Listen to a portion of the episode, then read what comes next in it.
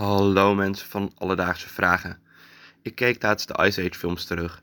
En daar zit natuurlijk iedereen's favoriete mammoet, Benny.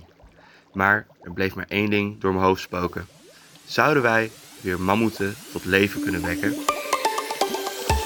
Alledaagse Vragen. NPO Luister. David uit Meppel, dankjewel voor het insturen van je vraag. Een vraag over mammoeten. En Merel, ik moet iets bekennen. Ik heb nog nooit een Ice Age film gezien. Oh, dat is een pittige bekentenis. Ja, wat stopt die film met die, die mammoeten? En ik, ik hoor het net ook in de vraag. Ja, zeker. Ehm, Oké, nou het is je vergeven, Aaron. Dankjewel. Weet je hoe groot mammoeten kunnen worden? Konden worden. Konden? Ho, ho. nou, vertel. 10 meter. Ja, dat is toch bizar? Wow. Ja, nou, ik, ik dacht, ik zoek het toch eventjes op. Want ja, iedereen heeft al een beeld van mammoeten. eh, heel groot, harig. Olifant. Enorme, sla- eh, olifantachtig, enorme slagtanden. Maar ik wilde toch nog even een beetje die, die grootte vatten. Van hoe groot is nou echt? Nou, 10 meter dus. Dat is echt beheerlijk. Ja, behoorlijk beheerlijk. Terug naar de vraag van David. En ja, als we een prehistorisch vraagstuk hebben, dan kom je in Nederland al heel snel uit bij één plek. Namelijk Naturalis. Ehm, ik belde daarvoor met onderzoeker Steven van der Meijen. En ik legde hem de vraag voor: Is het mogelijk dat we binnenkort weer een mammoet tot leven wekken? Ja, een aantal, een aantal laboratoria eh, zeggen dat ze het eh, gaan doen de komende jaren. Die zijn eh, met projecten bezig om uit te zoeken hoe dat kan. Dus we zijn allemaal heel benieuwd eh, of dat gaat lukken. Ja, weet je wat het is? Kijk, ik snap best wel dat, dat er over de hele wereld een beetje nerds zijn. Ook in het dino-vlak. Maar hebben we dan niets geleerd van Jurassic Park, denk ik Dat altijd. is een hele goede vraag. Ja, toch? Waarom willen we toch altijd maar dingen weer tot leven wekken? Dat is een soort van fascinatie. Maar inderdaad, over de vraag of het wel een goed idee is, daar kom ik straks eventjes op terug. We hoorden dus net van Steven dat het mogelijk kan zijn dat de laboratoria aan werken. En hij legt nu eventjes uit hoe dat in de praktijk in werking gaat. Ja, nou normaal heb je natuurlijk een eh, mannetje en een vrouwtje mammoet. En dan krijg je eh, jonge mammoeten gewoon via de, zeg maar, de seksuele voortplanting. In dit geval hebben we niks. We hebben alleen stukjes DNA. Dus we moeten zelf gaan knutselen en eigenlijk een soort eh, kunstmatige bevruchting doen. En dan moet je zo'n embryo ook nog eens een keer ergens in een soort draagmoeder plaatsen. Dus iets olifantachtigs. En daar moet, daar moet het dan uitgroeien tot een jonge mammoet. Dus er zijn nog wel een heleboel hobbels eh, eh, op deze route. Brrr. Klinkt eng? Ja, ik vind het toch een beetje eng. Ja. Ik ben zowel gefascineerd als, als angstig. Dat snap ik wel.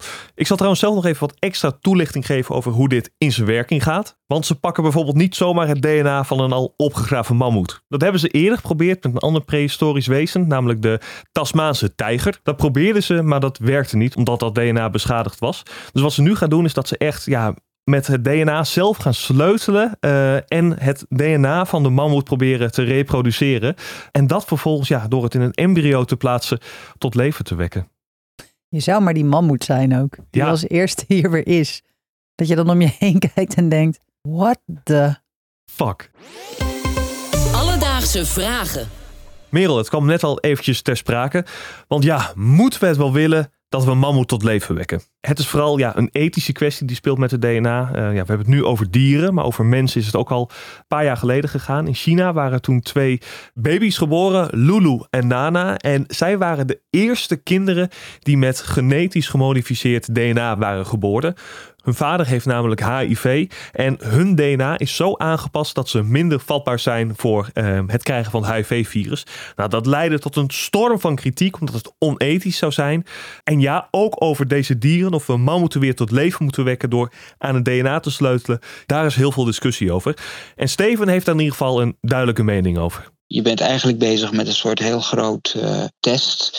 Eh, zo van, werkt de techniek? Ik denk dat je op een bepaald moment moet ophouden. Als je door hebt de techniek werkt, dan weten we eigenlijk genoeg. We hoeven niet echt een mammoet te maken. Ten eerste zal het nooit een echte, echte mammoet zijn. Want ja, er zit, er zit zoveel olifanten invloed in. Dus je weet, je weet niet eens zeker of je helemaal een echte mammoet hebt. Ten tweede komt hij in een wereld die helemaal niet, niet meer geschikt is voor mammoeten. Dus ja, om, waar moet hij... eh, dat wordt, wordt toch een soort gek dierentuin eh, leven voor zo'n beest. Dus eh, nee, wat mij betreft ehm, is het een leuk experiment, maar het moet een experiment blijven. Nou ja, ik, je, je ziet aan mijn gezicht in welk team ik zit, denk ik. Team Steven, ja, het klinkt wel heel treurig.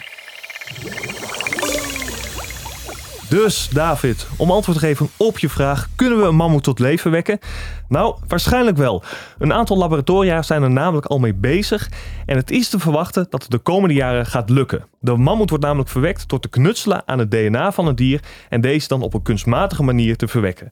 De tweede vraag is, is of we dat moeten willen? Nou, dat is een hele andere discussie. Er zijn veel tegenstanders en voorstanders. Merel en ik in ieder geval team mammoet niet tot leven wekken. Ik had niet verwacht dat ik ooit nog in dat team zou zitten. Bij deze.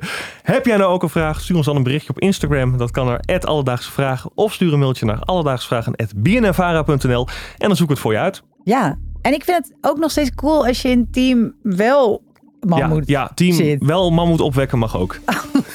Het is oké. Alledaagse vragen. NPO Luister. BNN Vara.